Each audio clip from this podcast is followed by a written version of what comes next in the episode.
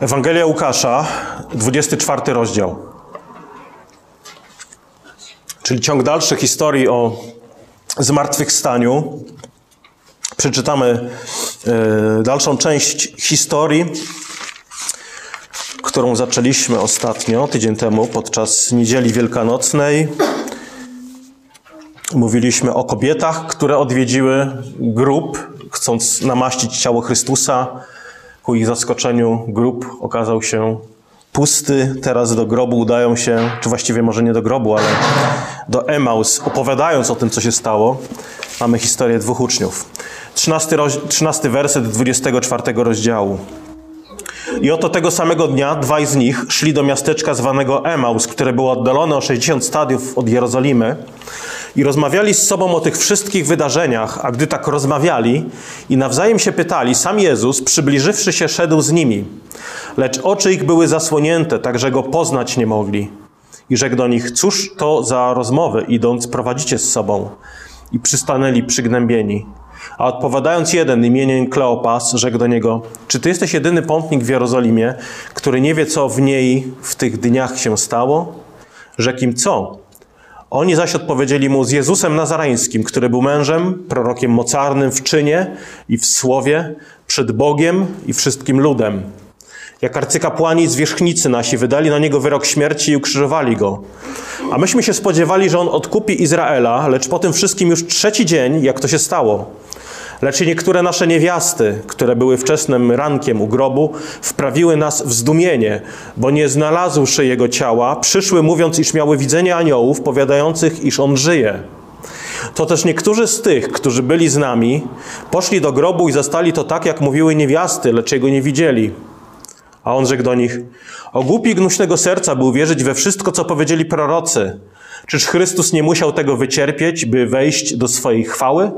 I począwszy od Mojżesza, przez wszystkich proroków wykładał im, co o nim było napisane we wszystkich pismach. I zbliżyli się do miasteczka, do którego zdążali, a on okazywał, jakoby miał iść dalej. I przymusili go, by został, mówiąc: Zostań z nami, gdyż ma się ku, gdyż ma się ku wieczorowi i dzień już się nachylił, i wstąpił, by zostać z nimi. A gdy zasiadł z nimi przy stole, wziął chleb, pobłogosławił i rozłamawszy podawał im. Wtedy otworzyły się ich oczy i poznali go, lecz on znikł sprzed ich oczu. I rzekli do siebie: Czyż serce nasze nie pałało w nas, gdy mówił do nas i w drodze, gdy mówił do nas w drodze i pisma przed nami otwierał? I, w, i wstawszy tejże godziny, powrócili do Jerozolimy i znaleźli zgromadzonych jedenastu i tych, którzy z nim byli, mówiących: Wstał Pan prawdziwie i ukazał się Szymonowi. A oni też opowiedzieli o tym, co zaszło w drodze i jak go poznali po łamaniu chleba. Ojcze, dziękujemy Tobie za Twoje słowo i Ojcze, chcemy wychodząc z tego miejsca być w pełni wyposażeni w Twoją moc, Twoją mądrość, środki duchowej walki. Pomóż nam, Panie, zrozumieć, w jaki sposób powinniśmy rozprawiać się z grzechem, ale też żyć w blasku zmartwychwstałego Chrystusa. Wzmocnij, Panie, teraz naszą wiarę, zachętą Twojego słowa, abyśmy byli użyteczni w Twoim królestwie. Amen. Pierwszymi świadkami zmartwychwstania były kobiety: Maria Magdalena, Joanna, Maria, matka Jakuba i inne. Czytamy, czytaliśmy o tym yy, na początku 24 rozdziału Ewangelii Łukasza. Kobiety zaniosły dobre wieści apostołom. Tutaj natomiast mamy dwóch uczniów, zapewne spoza grona apostołów, przynajmniej jeden z nich, czytamy o imieniu Kleopas, dwóch uczniów, którzy szli do Emaus i rozmawiali o tych wszystkich wydarzeniach, o których usłyszeli. Jeden z nich miał na imię Kleopas, o czym dowiadujemy się z tekstu. Drugim nie wiadomo kto był. W Ewangelii Jana czytamy na przykład o żonie Kleopasa, o Marii, która stała pod krzyżem Chrystusa wraz z innymi kobietami. Może to była żona Kleopasa, ale to tylko przypuszczenie. Może to był jakiś inny uczeń mężczyzna, którego imienia tutaj nie mamy wymienionego, ale wiemy, co, wiemy o czym rozmawiali. Rozmawiali o tym, co się stało. I gdy tak rozmawiali i nawzajem się pytali, Sam Jezus, czytamy, przybliżywszy się, przybliżywszy się, szedł z nimi. I od, tego, od tej rozmowy, od tego spotkania zaczyna się cała dramaturgia tego urywka. Od, byśmy powiedzieli, zwyczajnej rozmowy. Zwyczajnej pogawędki, rozmowy. Zauważcie, że poważne rozmowy na temat duchowych spraw są jednymi z najważniejszych środków łaski. Tak jak żelazo ostrzy się żelazem, tak wymiana myśli pomiędzy braćmi ostrzy nasze dusze. Wiem, że też wiele moich przemyśleń, myślę też, nie jestem w tym odosobniony, wiele moich przemyśleń, jakichś wniosków, odpowiedzi rodziło się wskutek no właśnie rozmów. Rozmów z ludźmi, wymiany różnych opinii, yy, zrozumienia Pisma Świętego. Nie tylko czytanie, nie tylko słuchanie, ale też interakcja, rozmawianie. Także prawdy wiary nie są jedynie czymś, co mamy, co mamy odczuwać na zasadzie, że na takiej zasadzie, że właściwie nie mamy ze sobą żadnego, y, żadnej płaszczyzny porozumienia. No ty czujesz tak, ty czujesz tak, no i o czym tu mamy rozmawiać? Ty czujesz jedno, ja czuję inaczej. Nie, Jezus w Ewangeliach to mówca, oczywiście czynił cuda, ale mówimy o, o jego słowach, to, to, to mówca i rozmówca. Uczniowie Jezusa to również mówcy i rozmówcy. Biblia to jest zapis wielu historii, których częścią są rozmowy. I teraz pomyśl, czy chętnie prowadzisz rozmowy o duchowych sprawach, chociażby z innymi chrześcijanami? Zachęcamy bardzo często do indywidualnej lektury Biblii, modlimy się na osobności w kościele, korzystamy z nauczań w kontekście kościoła czy jakiejś konferencji. Wszystko to ma swoje znaczenie, wszystko to jest dobre, ale jeżeli poprzestajemy na tym, to nie jest dobrze. List do Hebrajczyków w 10 rozdziale, 24 wersecie wzywa nas do pobudzania się wzajemnego do dobrych uczynków i pobożności. Mamy wzajemnie, to zobaczcie, to, to zakłada pewną interakcję, rozmowy. Mamy pobudzać się wzajemnie, zachęcać się wzajemnie do pobożności i do miłości. I pomyślmy, ile czasu marnujemy na, na jakieś frywolne, puste, jałowe sprawy, jakieś rozmowy o niczym. Nie mówię, żeby nie żartować, czasami jest miejsce na, na relaks, na rozmowy, ale zobaczcie, tutaj uczniowie rozmawiali o Jezusie w drodze. To nie było jakieś formalne spotkanie, i podczas tej tej rozmowy podszedł do nich Jezus. To była całkiem naturalna sytuacja. Nie trzeba było organizować jakiegoś formalnego spotkania. Po prostu rozmawiali, spotkali Jezusa i ta rozmowa i to spotkanie zmieniło ich życie. Nie? Ile, ile w, w Twoich rozmowach jest Chrystusa i Jego słowa? Nie? Czy, czy mamy w sobie jeszcze tą dziecięcą ciekawość szukania, zadawania pytań? szukania odpowiedzi. Czy już jesteśmy w takim miejscu, że nic nas nie rusza, nic nas, mówiąc kolokwialnie, nie rajcuje, nic nas nie podnieca z duchowych prawd? Bóg mówi, żeby Jego słowo było obecne w naszej codzienności, w naszych codziennych rozmowach, całkiem naturalnych, w naszych pytaniach, przy posiłkach, kiedy rozmawiamy ze sobą, podczas jazdy samochodem i tak dalej, i tak. W piątej księdze Mojżeszowej właśnie to Bóg powiedział Izraelowi, żeby jego słowo było po prostu obecne w codziennych kontekstach. To nie musi być nic sztucznego na zasadzie, wiecie co, pozwól, chodźcie, pozwólcie, że teraz podzielę się z wami traktatem ewangelizacyjnym. Jezus w, rozmawiał z ludźmi w, w naturalnych kontekstach.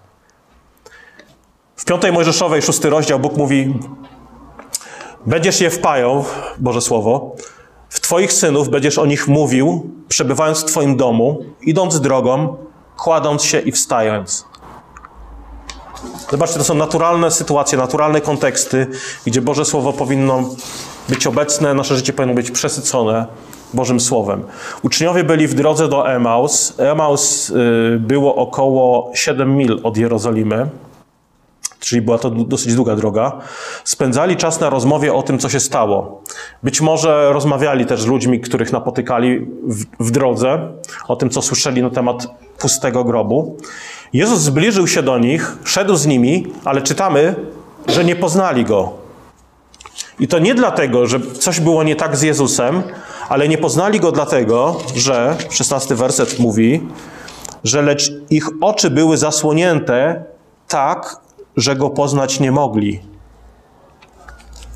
Ich oczy były zasłonięte, jakby mieli zasłonę na oczach. Rozmawiali z Jezusem, słyszeli Jego głos, być może przywitali się uściskiem dłoni. Y, byli tak blisko, jak tylko można było być blisko zmartwychwstałego Jezusa, ale ich oczy były zasłonięte, tak iż Go nie poznali. Nie wiemy, ile razy widzieli Go wcześniej, ale wydaje się, że skoro byli uczniami, to, to widzieli Jezusa przed śmiercią. E, problem nie był w tym, że Jezus przybrał jakieś zupełnie inne ciało. Owszem, miał uwielbione ciało, Jezus zmartwychwstał cieleśnie, Jezus pozostał człowiekiem również po zmartwychwstaniu, ale po zmartwychwstaniu jego ciało było uwielbione, przemienione. To było to samo ciało, ale ciało, które nie było poddane śmierci, chorobom, zepsuciu. To było ciało, jakie Ty otrzymasz po zmartwychwstaniu, wierząc w Chrystusa. Można to przyrównać do, jak widzieliście Władcy Pierścieni, y, Gandalfa. Mamy Gandalfa szarego, ale później mamy Gandalfa białego. Ten sam Gandalf, ale z drugiej strony jednak nieco inny. I kiedy ten Gandalf biały, ten chwalebny Gandalf, pierwszy raz pamiętacie tą scenę, kiedy się ukazał bodajże Aragornowi, Gimliemu i Legolasowi, oni się przestraszyli. Oni myśleli najpierw, że to jest Saruman albo jakaś lśniąca zjawa, ale summa summarum otworzyły się im oczy i zobaczyli, tak, to jest Gandalf. Ale nie szary, lecz biały. Ten sam, a jednak inny. Myślę, że to jest też dobry obraz tego, jak wyglądał Jezus po zmartwychwstaniu. Ten sam, ale jednak jego ciało było chwalebne, uwielbione. Czyli Jezus po zmartwychwstaniu to ten sam Jezus, którego znali. Też miał ciało, miał rany po gwoździach, cieleśnie umarł, cieleśnie powstał z martwych, po zmartwychwstaniu pozostał człowiekiem. To nie jest tak, że po zmartwychwstaniu już przestał być człowiekiem. Nie był jakby człowiekiem, był w pełni człowiekiem. Takim, jakim, jakimi my będziemy po zmartwychwstaniu. Ale oczy uczniów były zasłonięte. Szli z Jezusem, nie mieli pojęcia, kim był ten człowiek. Ich zmysły, można powiedzieć, zwiodły ich. Ich zmysły zmyliły ich. I to nam pokazuje, e, ukazuje bardzo ważną prawdę, że fizyczne, że, że nasze zmysły są niewystarczające, żeby poznać Jezusa. Nie, to jest, to jest ważna prawda, ponieważ dzisiaj, nie wiem jak wy, ale często słyszałem oczekiwanie wielu ludzi, że ach, gdyby Jezus fizycznie ukazał się nam, tak jak ukazał się uczniom, gdyby, gdybyśmy tylko Jezusa zobaczyli, to na pewno byśmy poznali, to byłby dla nas dowód i byśmy go na pewno poznali we właściwy sposób. Oni nie byli w stanie tego zrobić, ale my byśmy to zrobili, my byśmy go poznali. Ale pamiętajcie, poznanie Jezusa nie jest kwestią zmysłów, to nie jest kwestia do, wzroku, dotyku. To jest znaczące, że kiedy Jezus po raz pierwszy ukazał się uczniom, oni go nie poznali. To samo było z Marią Magdaleną. Patrzyła na niego i myślała, że to ogrodnik. Powiedziała: Panie, jeśli ty go wziąłeś, powiedz mi, gdzie go położyłeś, a ja go wezmę. Nie poznała Jezusa. E, podobnie uczniowie. Czytamy, że kiedy był już, było już rano, stanął Jezus na brzegu, ale uczniowie nie wiedzieli, że to był Jezus. Rzekł im więc Jezus, dzieci macie co do jedzenia? Odpowiedzieli mu nie. Również uczniowie nie byli w stanie go poznać za pomocą zmysłu wzroku. Maria, Piotr, uczniowie w drodze do Emaus widzieli, rozmawiali, słyszeli Jezusa, ale mieli, można powiedzieć, zasłony na oczach. Jezus zapytał ich, kiedy się zbliżył, o czym rozmawiacie. Oni przystanęli, czytamy, że przystanęli i że byli przygnębieni i w odpowiedzi dali, e, zdali relację z życia Jezusa, kim był Jezus i co się z nim stało. I była to też, co ciekawe, całkiem poprawna relacja. Same prawdy wiary, 18 werset. Odpowiadając jeden imieniem Kleopas, rzekł do niego, czy Ty jesteś jedyny pątnik w Jerozolimie, który nie wie, co w niej w tych dniach się stało. Rzekł im co? Oni zaś odpowiedzieli mu, z Jezusem Nazareńskim, który był mężem prorokiem mocarnym, w czynie, słowie przed Bogiem i wszystkim ludem. Jak arcykapłani i zwierzchnicy nasi wydali na niego wyrok śmierci i ukrzyżowali go. A myśmy się spodziewali, że on odkupi Izraela. Lecz po tym wszystkim już trzeci dzień, jak to się stało. Lecz niektóre nasze niewiasty, które były wczesnym rankiem u grobu, wprawiły nas w zdumienie, bo nie znalazłszy jego ciała, przyszły, mówiąc, że miały widzenie aniołów, powiadających ich, iż on żyje. To też niektórzy z tych, którzy byli przed nami, poszli do grobu i zastali to tak, jak mówiły niewiasty, lecz jego nie widzieli. Mieli nadzieję, że Bóg poprzez Chrystusa przyniesie im wolność. Mieli nadzieję, że Mesjasz wyzwoli ich spod rzymskiej okupacji, żeby byli wolni, żeby mogli żyć w pokoju. Ale arcykapłani i zwierzchnicy wydali na niego wyrok śmierci. Tak? Wszystko to jest prawda. E, potem dodają, że usłyszeliśmy jakieś dziwne wieści od naszych kobiet, że miały one widzenie aniołów, który, którzy oznajmili, że jednak Jezus żyje. I teraz zobaczcie y, odpowiedź Jezusa. Odpowiedź Jezusa jest, można powiedzieć, rodzajem napomnienia. 25 werset. A on rzekł do nich: O głupi i gnuśnego serca, by uwierzyć we wszystko, co powiedzieli prorocy. Czyż Chrystus nie musiał tego wycierpieć, by wejść do swojej chwały? I począwszy od Mojżesza, przez wszystkich proroków, wykładał im, co o nim było napisane we wszystkich pismach. Czyli daje im do zrozumienia, ale to dla, a dlaczego jesteście zdziwieni? Dlaczego jesteście przygnębieni? Czyli dlaczego nie wierzycie prorokom? Przecież nie powinniście być aż tak zaskoczeni, dlatego że to wszystko było zapowiadane już wcześniej. Gdybyście znali pisma, chociażby Starego Testamentu, wiedzielibyście, że Syn Człowieczy musi zostać wydany w ręce grzeszników, ukrzyżowany, ale powstanie z martwych. I ich przygnębienie, bo czytamy, że byli, byli przygnębieni, miało źródło właśnie w tym, że nie wierzyli pismom, że nie wierzyli prorokom. Oni dali się przytłoczyć okolicznościom. Tak? Ominęła ich radość, ponieważ nie zwrócili uwagi na pisma, na proroctwa o Mesjaszu. I dzisiaj to jest, myślę, ważne zastosowanie dla nas. Ci, którzy ignorują słowa Pisma Świętego, nie zdają sobie sprawy, jak wiele tracą. I tutaj nie mam na myśli jedynie wiedzy. Mam na myśli takie rzeczy jak radość, wdzięczność, nadzieja. Nic dziwnego, że tacy ludzie są gnuśni, gnuśni, przygnębieni, przybici. Zobaczcie, że wiara w Boże świadectwa jest źródłem prawdziwej radości. Niewiara jest źródłem przygnębienia często. Ja nie mówię, że smutek w życiu wierzących nie będzie miał miejsca. Będzie. Salomon o tym mówi. Tak, jest czas na smutek, jest czas na radość, ale mówimy tutaj o ustawicznym, permanentnym stanie przybicia, przygnębienia czy smutku. Przy, y, Psalm 119, 77 werset. Niech stąpi na mnie miłosierdzie Twoje, abym żył, bo zakon Twój jest rozkoszą moją, mówi psalmista. On się cieszy, on się rozkoszuje, on się raduje Bożym prawem. O jak słodkie jest słowo Twoje dla podniebienia mego, słodsze niż miód dla ust moich. Ci uczniowie powiedzieli, ukrzyżowali Jezusa, a myśmy myśleli, że On odkupi Izrael. Odpowiedź Jezusa brzmi: ukrzyżowali, tak, ukrzyżowali.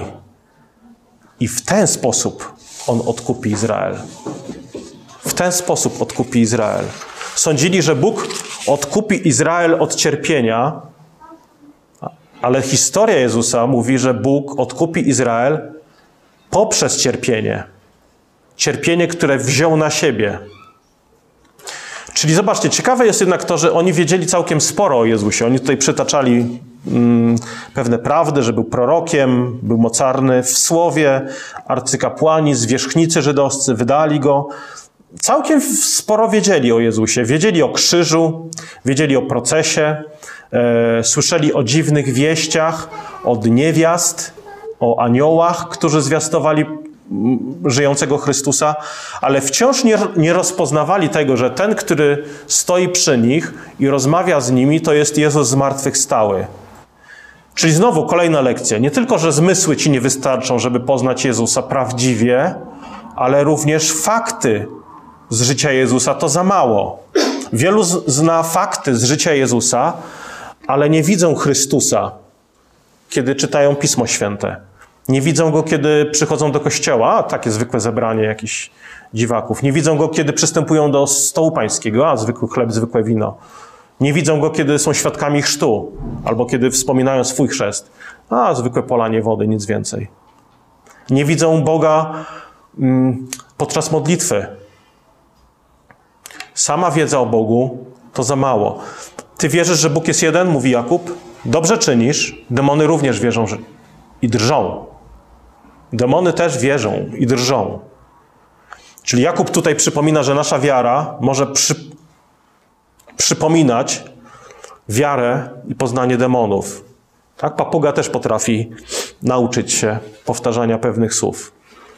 Niektóre papugi nauczą się powtarzać: Jezus jest Panem, Jezus jest Zbawicielem. Także zwykłe wierze w Boga i znajomość paru faktów o Bogu nikogo nie zbawia. Takie poznanie, nawet takie poznanie na zasadzie wierzę w Boga i tyle, wierzę w Jezusa i tyle, ukrzyżowany, zmartwychwstał, tak, wszystko to wiem. Ale takie poznanie bez autentycznej wiary może nawet być gorsze od wiary demonów. Dlaczego? Dlatego, że demony czytamy, że wierzą i co robią? I drżą. One mówią o Bogu ze strachem, z drżeniem. Pamiętacie, jak reagowały demony, kiedy wchodziły w ludzi i spotykały Chrystusa? Odejdź stąd, Synu Boży. Co my mamy z Tobą, Synu Boży? Drżały. Natomiast wielu ludzi dzisiaj mówi, wierzę w Jezusa. I dalej angażują się w niemoralność, przekleństwa, kradzież, plotkarstwo, porządliwość, kłamstwo i tak. Ale wierzę w Jezusa. Ci dwaj uczniowie, oni znali fakty o, o, o Chrystusie, ale coś przeoczyli. Przeoczyli obecność zmartwychwstałego tu obok, w ich życiu, na ich drodze. Byli religijni, ale przeoczyli obecność założyciela ich religii. I teraz Jezus w odpowiedzi na ich słowa przeprowadza ich, można powiedzieć, przez studium biblijne, również w taki naturalny sposób, e, studium biblijne o nim, na podstawie pism. Czyż Chrystus nie musiał tego wycierpieć, by wejść do swojej chwały? I począwszy od Mojżesza, przez wszystkich proroków, wykładał im, co o nim było napisane we wszystkich pismach.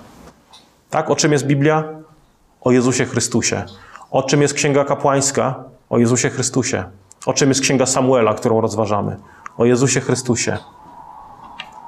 Czy nie wiedzieliście, że to było napisane o Mesjaszu, że należało się tego spodziewać, że on będzie okrzyżowany i zmartwychwstanie?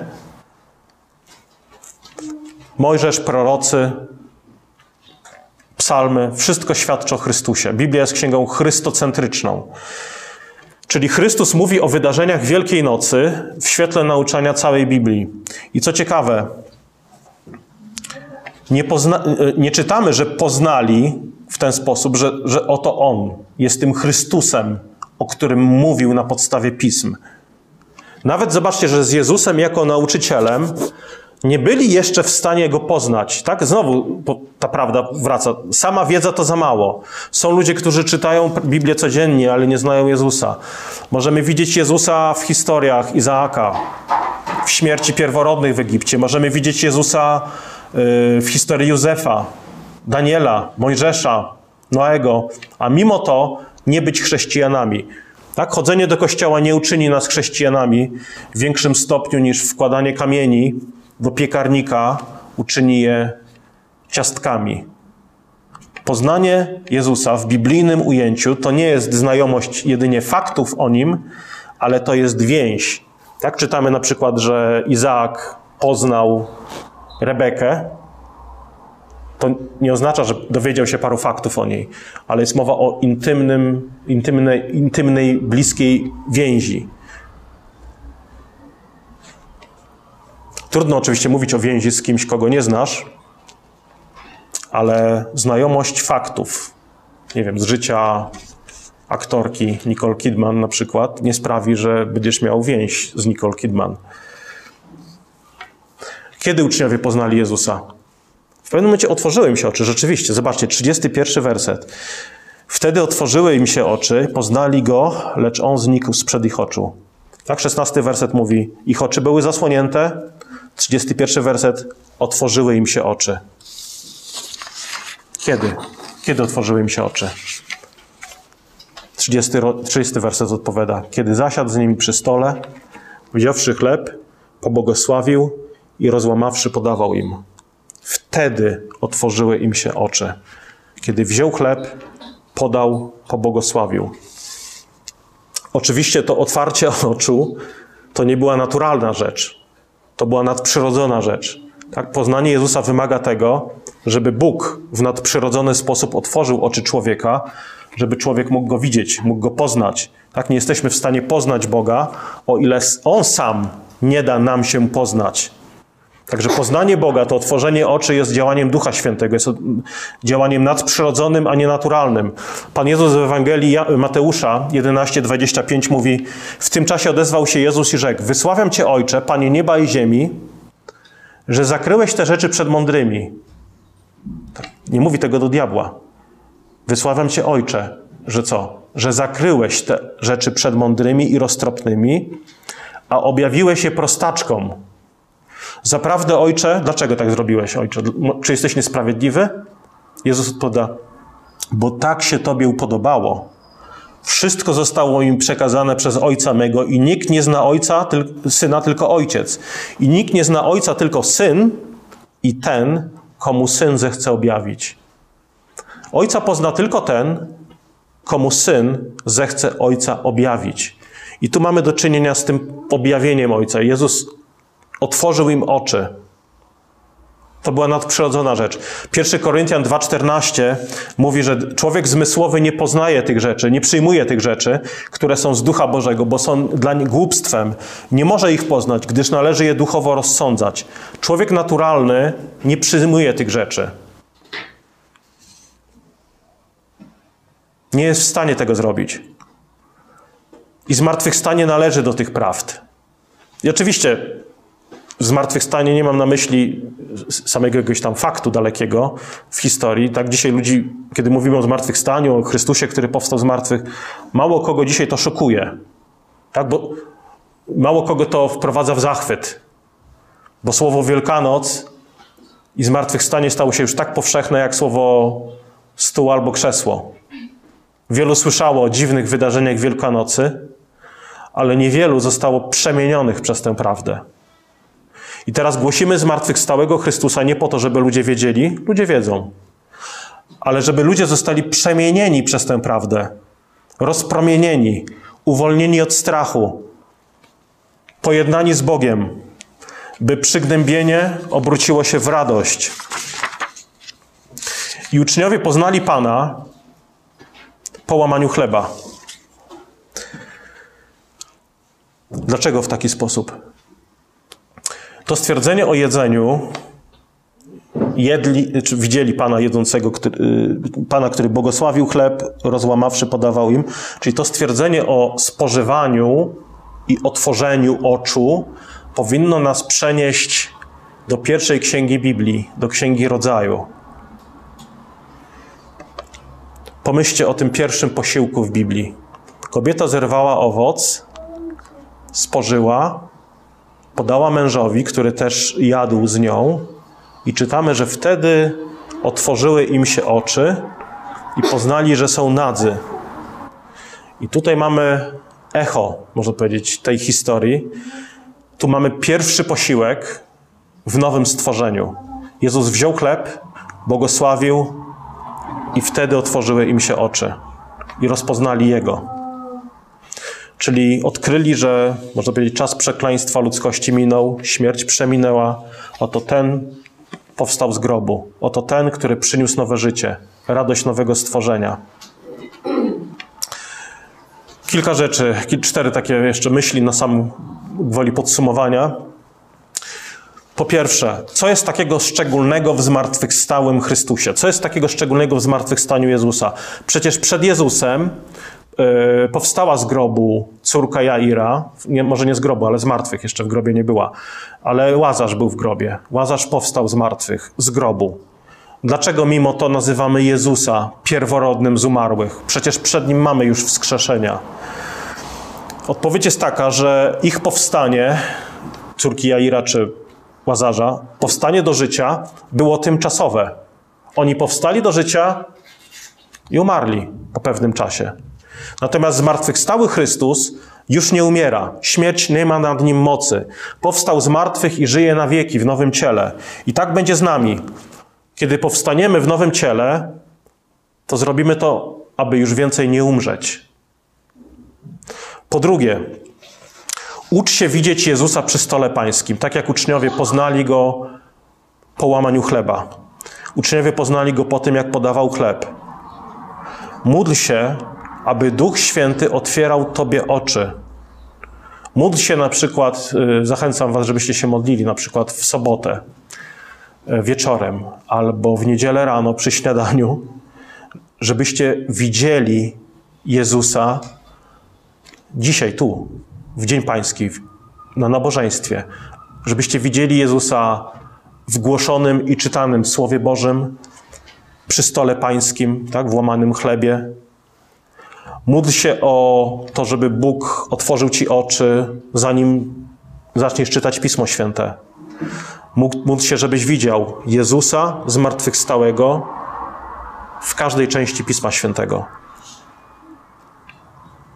Dlatego też między innymi modlimy się przed czytaniem, e, przed e, zwiastowaniem Słowa Bożego, żeby Duch Święty pomagał pastorowi w zwiastowaniu, wiernym zwiastowaniu, a nam też w zrozumieniu, przyjęciu i zastosowaniu Słowa Bożego.